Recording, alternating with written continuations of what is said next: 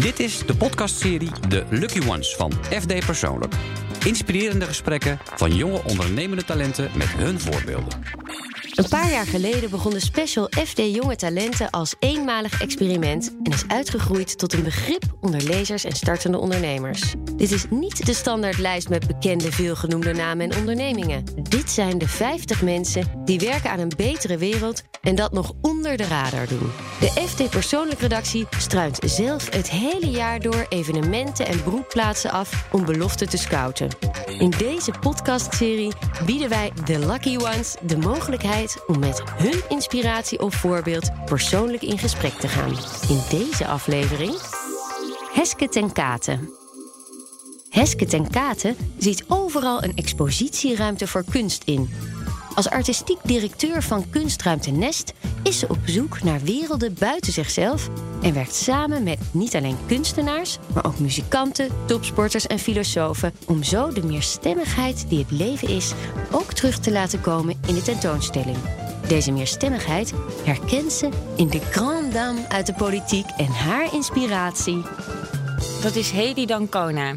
Ik denk dat elke vrouw in haar leven naar andere vrouwen kijkt en daarin zoekt um, wat je aan iemand inspirerend vindt. Of je je, ik kijk altijd als ik naar voorbeelden kijk of naar mensen die me inspireren, zijn het eigenlijk altijd vrouwen. En um, ik leerde jou, want we hebben net afgesproken dat ik je en jou mag zeggen, eigenlijk kennen toen ik naar de kunstacademie ging. En uh, meer ging nadenken hoe het is om als vrouw kunst te maken. Of als het vrouwelijk perspectief te vertegenwoordigen. En dat uh, het me zo verbaasde, zoals zoveel vrouwen dat in de kunst verbaast, dat vrouwen vooral heel veel naakt te zien zijn op schilderijen. Maar niet zoveel als maker in musea. En um, daar was jij. Uh, en vertelde over hoe het kon zijn om vrouw te zijn. En hoe je als vrouw een krachtige stem hebt, maar ook een geëngageerde stem. En iemand uh, en praat voor verschillende groepen mensen die misschien niet altijd aan het woord komen. En ik vind dat je dat op een manier doet die uh, heel echt lijkt en zonder cynisme. En je verexcuseert je niet voor de wat, wat um, moeilijkere onderwerpen misschien. En uh, weet het zo te vertellen dat het ook nog heel begrijpelijk is, volgens mij, voor een hele grote groep mensen. Nou, dat is heerlijk om te horen. Uh, um, want ik heb natuurlijk ook um, veel dingen gedaan. Dat is ook makkelijker naarmate je ouder wordt. En ik ben nu al echt oud, 81. Uh, wat ik oud vind, ik voel me ook niet 24 of zo, of 42. Um, maar ik zie wel hoe leuk dat ook kan zijn, omdat je dan um, al zoveel mensen bent tegengekomen en zoveel situaties. Dus ook een soort ketting die je geregen hebt. En van je af en toe zo'n kraaltje eruit haalt en denkt: oh ja, dat heb ik ook meegemaakt. Niet alleen maar uh, dingen die aangenaam en prettig of opwindend zijn. Uh, dat natuurlijk niet. Maar het is vooral erg leuk als um, al die dingen waarmee je je bezighoudt, of een, een aantal daarvan, uh, mensen nog iets zegt. Ik bedoel niet omdat ik ook maar iets heb van als ik dood ben, wil ik nog voortleven of zo. Maar zolang ik leef, vind ik dat leuk. Dat ik mensen tegenkom, zoals jij, die zich bezighouden met dingen die mij ook interesseren. Uh, en dat je iets in mij herkent. Ja, dat, dat is ontzettend leuk om te horen. Ja. Nou, het is ook echt zoiets dat ik iets in, iets in je benijd. Namelijk die verschillende werelden en die soort onuitputtelijke nieuwsgierigheid, lijkt het wel. Naar, uh, en naar al die werelden die je dan ook weer weet te verbinden in één verhaal.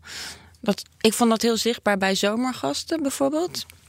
Vond ik de allerbeste zomergasten ooit gemaakt. En ik kijk ze altijd trouw allemaal.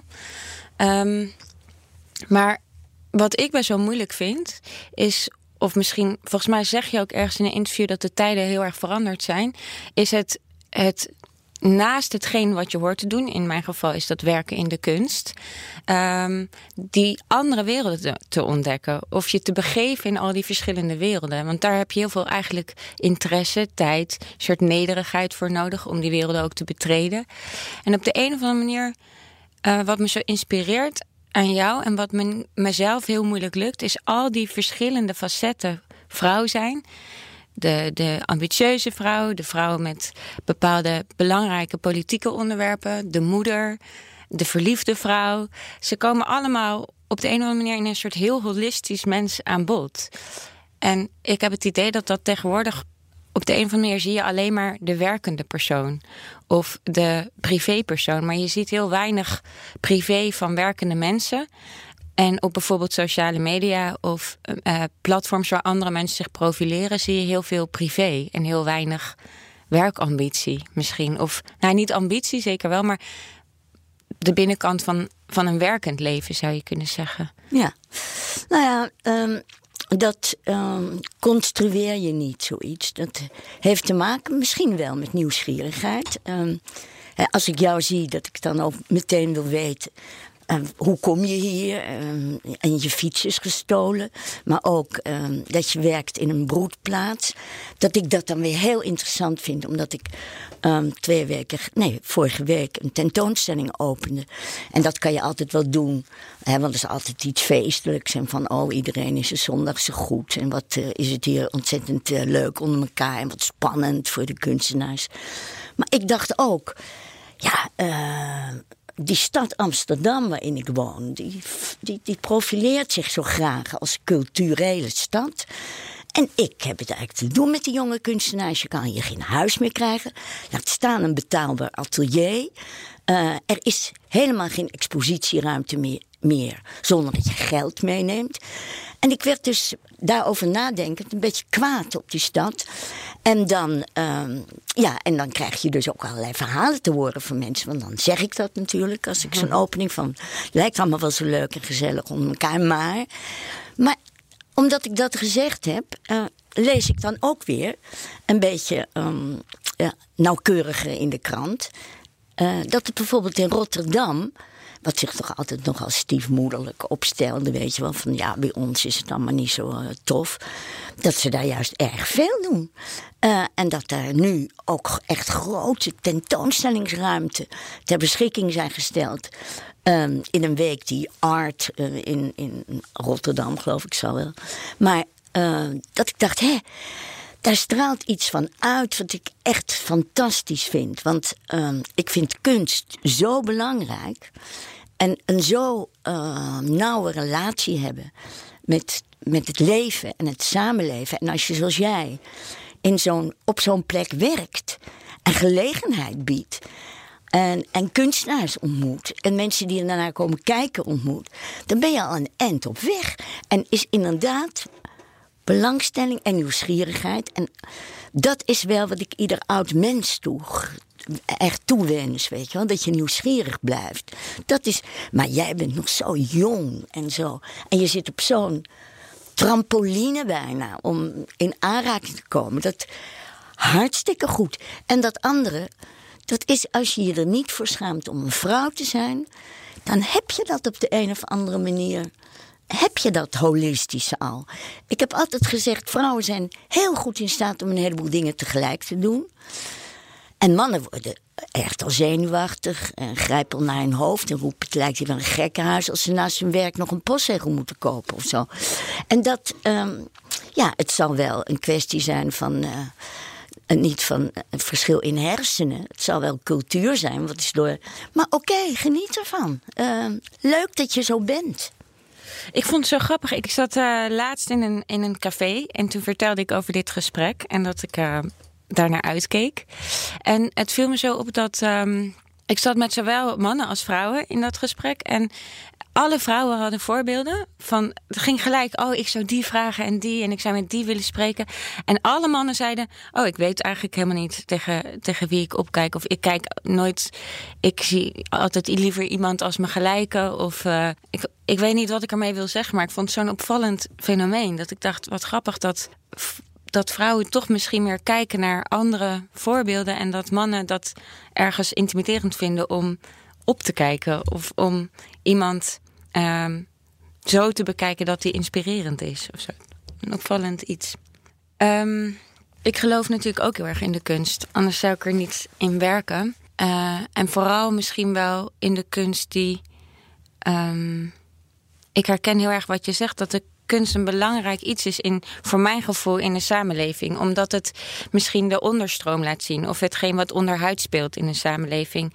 Of ehm, ehm, niet op voorhand de waarheid pretendeert te zeggen. Maar veel meer zich zoekend opstelt. En maar ik vind wel soms heel moeilijk hoe je kunst ontsluit naar de wereld. Juist omdat het gaat over uh, wel waar of niet waar, of soort binaire verdelingen. Um, en uh, het heel vaak niet sexy is, kunst. Wat mij betreft, goede kunst is gelaagd en um, vertelt verschillende verhalen, verschillende perspectieven. Misschien ook wel holistisch zou je kunnen zeggen. Maar ik vind het wel heel moeilijk om in deze tijd dat te communiceren naar buiten toe. En ervoor te zorgen dat mensen, en vooral jonge mensen waar je het dan over hebt, dat is ook wel de groep waar ik me heel erg op richt, um, zich ermee te laten identificeren. Ook omdat ik denk dat uh, je identiteit in deze tijd je grote goed is. En dat mensen zich middels hun identiteit eigenlijk profileren. Dus hoe zorg je ervoor dat kunstwerken die die gelaagdheid in zich dragen, misschien ook wel echt onderwerpen als migratiegeschiedenis of genderdiversiteit uh, bespreken of andere modellen van samenleven, uh, op zo'n manier onder het voetlicht komen dat het voor uh, een hele grote groep interessant is eigenlijk. Daar ben ik wel benieuwd. Ja, dat is behoorlijk moeilijk. Ik bedoel, um, kunst draagt in zich um, om voor een select een beetje een select gezelschap. Hè, die begrijpt wat er aan de hand is en hoe ze het moeten, hoe ze het moeten begrijpen en wat voor oordelen ze over moeten hebben. Ik, um, ik ben helemaal niet zo. Ik, um, uh, ik, vind, ik begrijp er soms helemaal niks van. Ik, uh, um, en dat vind ik ook helemaal niet nodig. Uh, ik, ik heb echt geen oordeel over een groot deel van conceptuele kunst of zo. Maar als iemand daarmee bezig is um, en, en, en vertelt waarom zij um, zich daartoe geroepen voelt, dan laat ik me makkelijk verleiden. Ik laat me heel makkelijk meevoeren. En ik denk eigenlijk ook dat uh, het geheim van kunst is natuurlijk niet wat voor waardeoordeel je meteen geeft. En wat voor onzin je eromheen vertelt om dat um, onder woorden te brengen. Maar uh, dat je mensen het vermogen laat ontwikkelen om te kijken.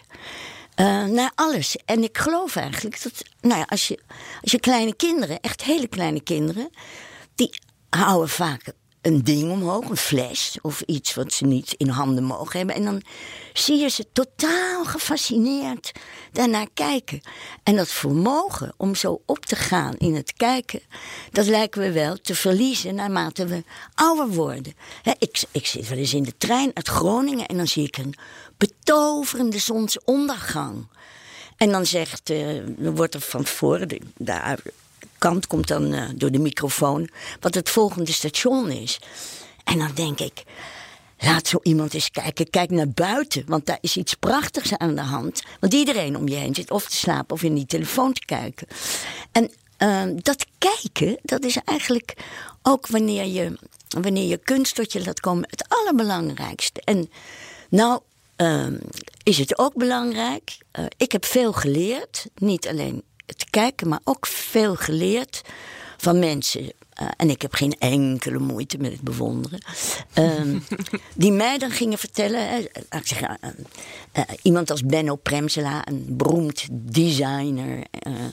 en die, die kon dan vertellen waarom hij iets mooi vond. Ik heb dat ook vaak gevraagd aan mensen. Waarom vind je iets mooi? En dat is wel spannend. Als je dus andere mensen naar binnen wil lokken. Dat je dan tussenpersonen gebruikt. En hoef je het niet mee eens te zijn. Maar uh, ik heb ook wel eens gezien in het Zingermuseum... Uh, uh, mensen die, ehm, die verstandelijk gehandicapt waren... en die eh, aan tekenen schilderen, dat kunnen ze dan vaak ook nogal behoorlijk... die eh, schilderijen konden na schilderen die ze uit het depot hadden gehaald. En dat waren vaak hele beroemde schilderijen... En het gekke was dat ik dan in die nabootsing daarvan dingen ontdekte die ik zelf nog nooit op het oorspronkelijke schilderij gezien had of me opgevallen waren. En zo heb je allerlei soorten van intermediairs nodig om je dat dat vermogen tot kijken. En, en, en waarom een ander daarin geboeid is. Iemand die je daarin wel wil volgen. En ja, het is te leren. Het is echt te leren. Maar als je zo zegt van ik beheer zo'n belangrijke instelling. Want ik vind het ook echt heel belangrijk. Zo'n soort grote broedplaats waar jij dan zit. Dan is het niet het eenvoudigste. En zeker niet om te zeggen: ik wil de diversiteit in die, in die stad bestaat binnenhalen. Maar ja, dan moet je ook een, die diversiteit proberen um, te bewerkstelligen in je tentoonstellingsbeleid. Ja, klopt. Ja, daar geloof ik ook heel erg in. Ik denk ook niet dat je dat alleen maar door middel van een verhaal kan doen. Volgens mij maakt het ook uit met wie je werkt, uh, welke mensen je binnenhaalt, dat je expertise. Uh, niet alleen maar zelf probeert te trainen, maar dat je, je eigenlijk vooral inderdaad laat informeren. Uh, ik geloof ook heel erg in nieuwsgierigheid. Of, uh, volgens mij is het niet iets waar je in kan geloven, maar heb je dat of niet? En is dat een heel groot cadeau als je het hebt. Maar dat ik ervaar zelf wel dat het mooie aan mijn vak is dat het me op allemaal plekken ter wereld brengt. Of, maar ook al om de hoek bij de, bij de bakker. Uh, of uh, in, in de Schilderswijk die naast uh, onze wijk ligt. Ja, dat is fantastisch. Ja. Daarom zeg ik, je zit op ja. een soort trampoline ja. van ver weg. En tegenwoordig is ver weg ook dichtbij. Hè? Ja. Uh, als mensen willen zeggen, nou, het is hier wel in orde met de vrouw. Dan zeg ik, oh ja, kijk even op de televisie, weet je wel. Ja. Onze zusters uh, om de hoek, hoe die eraan toe zijn.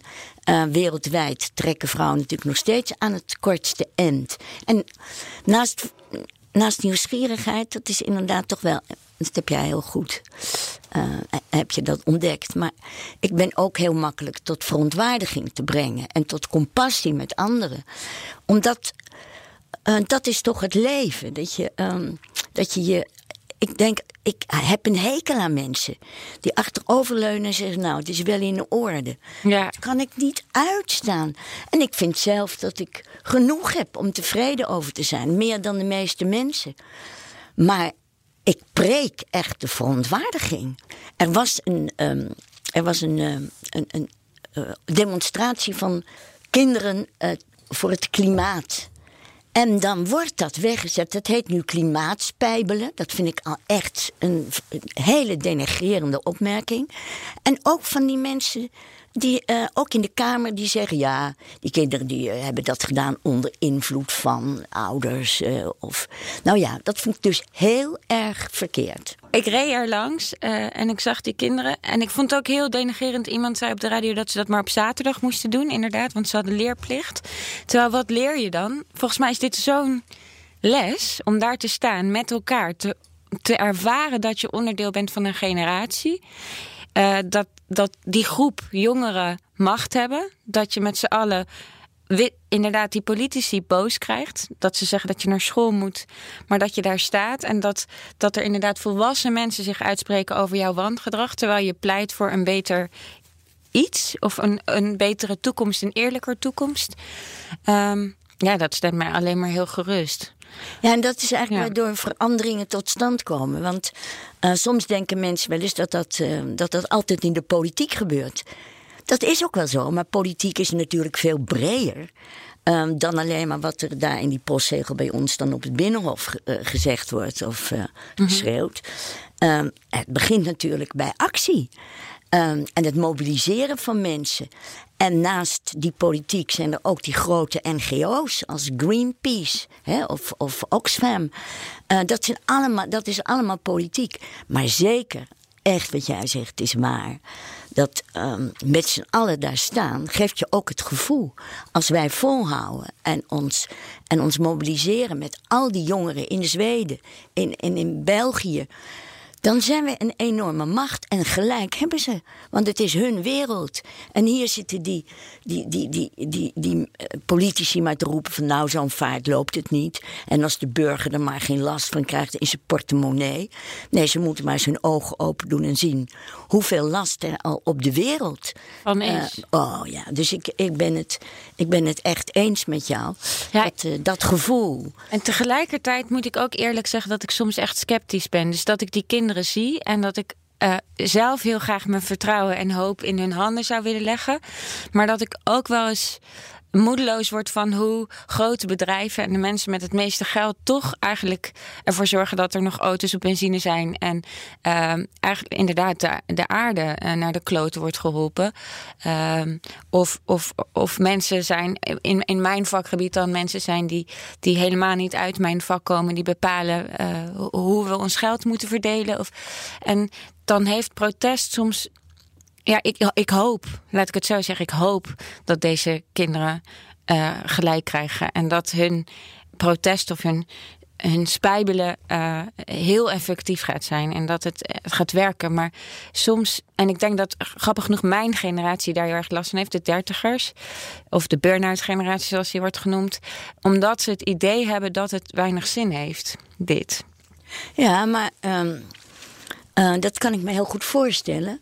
Maar toch is het gevaarlijk. Uh, uh, ik heb het gevoel dat uh, ik behoor tot een generatie die het ook verkeerd heeft gedaan. Wij zijn opgegroeid eerst met de waarden die ontstonden na. 45, na de, de Tweede Wereldoorlog, die verschrikkelijke oorlog. Toen is er, uh, zijn er verdragen opgesteld hè, voor de vrede en voor, tegen discriminatie, et cetera. Nou, dat, dat waren gegevenheden, dat waren waarden die in iedereen gegoten waren. Dus we dachten, dat zit wel goed. En toen maakte ik nog eens zelf en aan de lijve mee en was een aanstoker van de opstand der vrouwen. Hè, eind van de 60 jaren. En toen werd er niet alleen voor vrouwen, maar überhaupt voor vrijheden gevochten. Uh, in de, in de openbare sfeer. Wat nog steeds niet geregeld is. Ook niet in dit land voor vrouwen. De straat is s'avonds na negen meer van mannen dan van vrouwen. Ja. Nou, dat vind ik alleen al om je woest over te maken. Maar wij, hebben daarvoor uh, gestreden en dat leek dan ook wel, wel geregeld. En toen zijn we achterover gaan leunen, alsof waarden, de individuele vrijheid en het eens zijn over de mensenrechten, dat het daarmee wel snor zat. En wat we nu zien, is overal de opkomst van, van het populisme, uh, overal opkomst van discriminatie, antisemitisme, uh, overal uh, autoritaire leiders die mensen verleiden om op hen te stemmen. Hè? Uh, Trump is natuurlijk het voorbeeld, maar dichtbij. Meneer Erdogan, ja. meneer Orbán. verschrikkelijke mensen, angstaanjagend. En ik denk toch, ja, we dachten dat het wel in orde was. En wij hebben dus ook mensen zoals jij nodig, die gewoon eraan denken. Je hoeft ook niet meteen naar het Malieveld te roepen, want dat is te rennen, want dat zijn weer jonge lui, nog jonger dan jij. Maar jij hebt ook werk waarin je dat probeert tot uiting te brengen.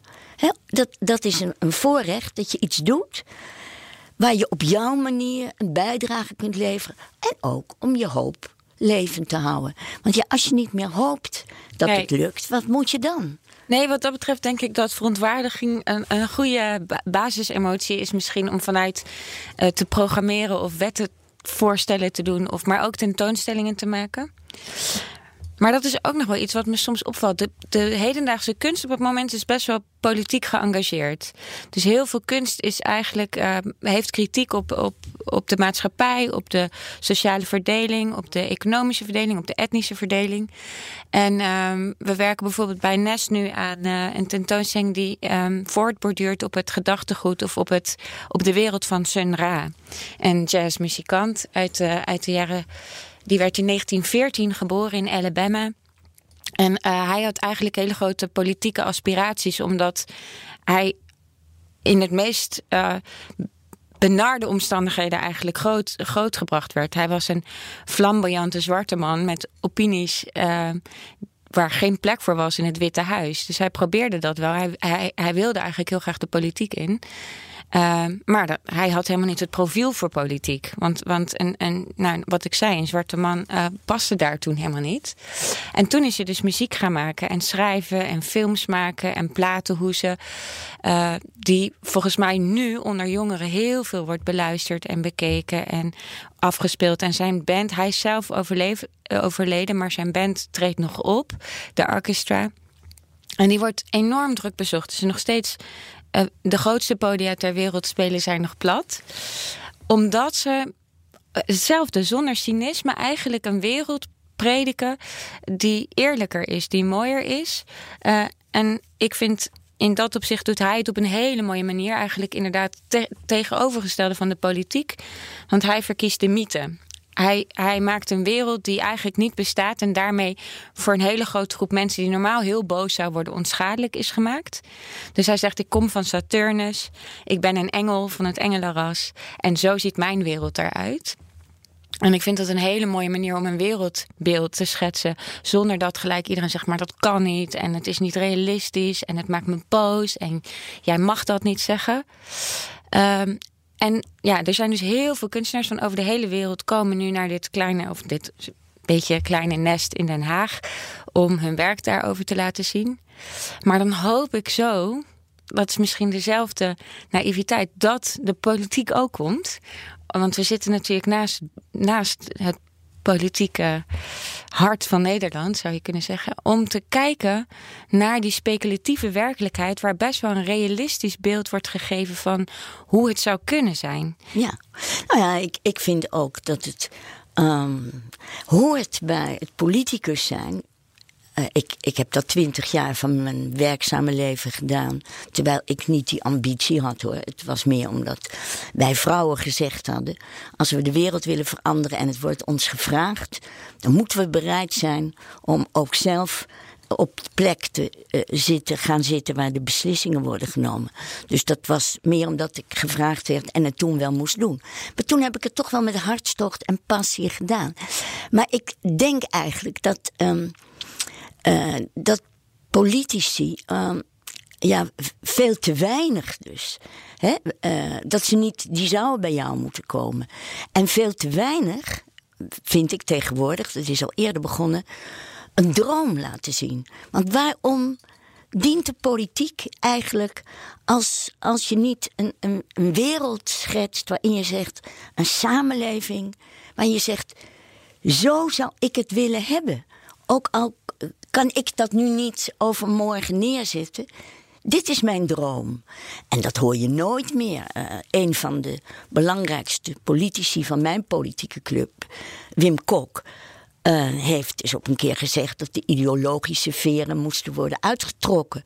Nou, dat is heel iets anders dan wat ik bedoel. Want mensen hebben een soort behoefte aan emotie uiten en, en in dromen geloven. Ja, waarom zou je anders in de politiek? He, ik vind het praten over de BV Nederland ook altijd zo stuitend. Ja, ja aan bedrijf. Waarom ga je in de politiek? Moet je het bedrijfsleven ingaan of een winkel openen? Maar ik ben het heel erg eens dat um, het luisteren in dit geval hè, naar dromen van een, van, van een muzikant. Ja, dat, dat is natuurlijk uh, iets waardoor er een deur voor je open gaat. En je denkt, zo kan het zijn. En ik, ik ga kijken hoe het zo kan worden. Maar ik vind het heel mooi dat je dat ook op die manier verwoordt.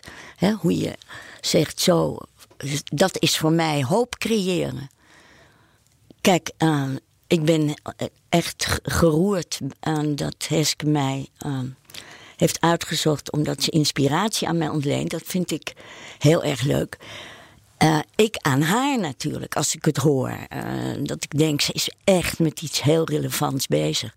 Oh, wat uh, zeg je toch mooie dingen, Hedy? Nee, maar je hebt, je hebt me ja. aangezet. Je, hebt mijn, ja. je, je zegt het zelf. Je zegt zulke leuke dingen waarop je wat kan zeggen. Dat is natuurlijk ook niet altijd. Want als je dan was met iemand praten en dat je denkt, ja, het zal wel. Uh, ik, ik word ook wel vaak uitgenodigd om mee te doen aan zoiets als dit of aan een documentaire. En dan krijg ik al op papier waar het om gaat, ten diepste.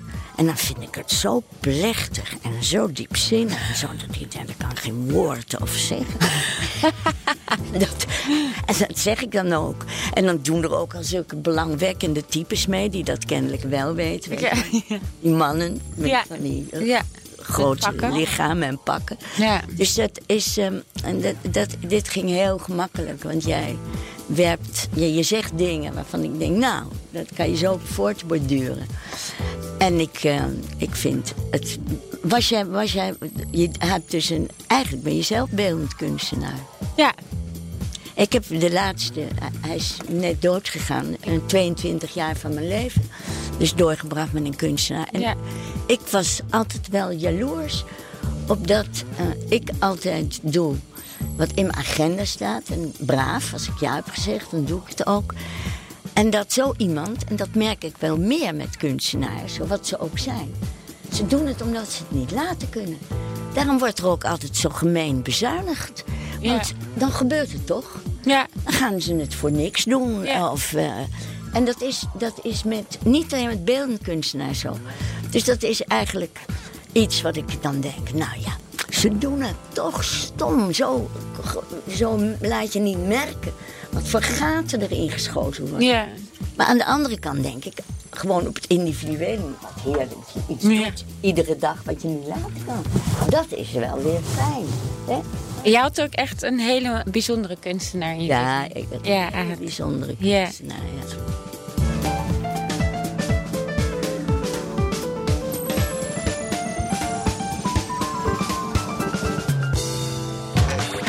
Wil je meer inspirerende gesprekken beluisteren van een Lucky One met hun grote voorbeeld?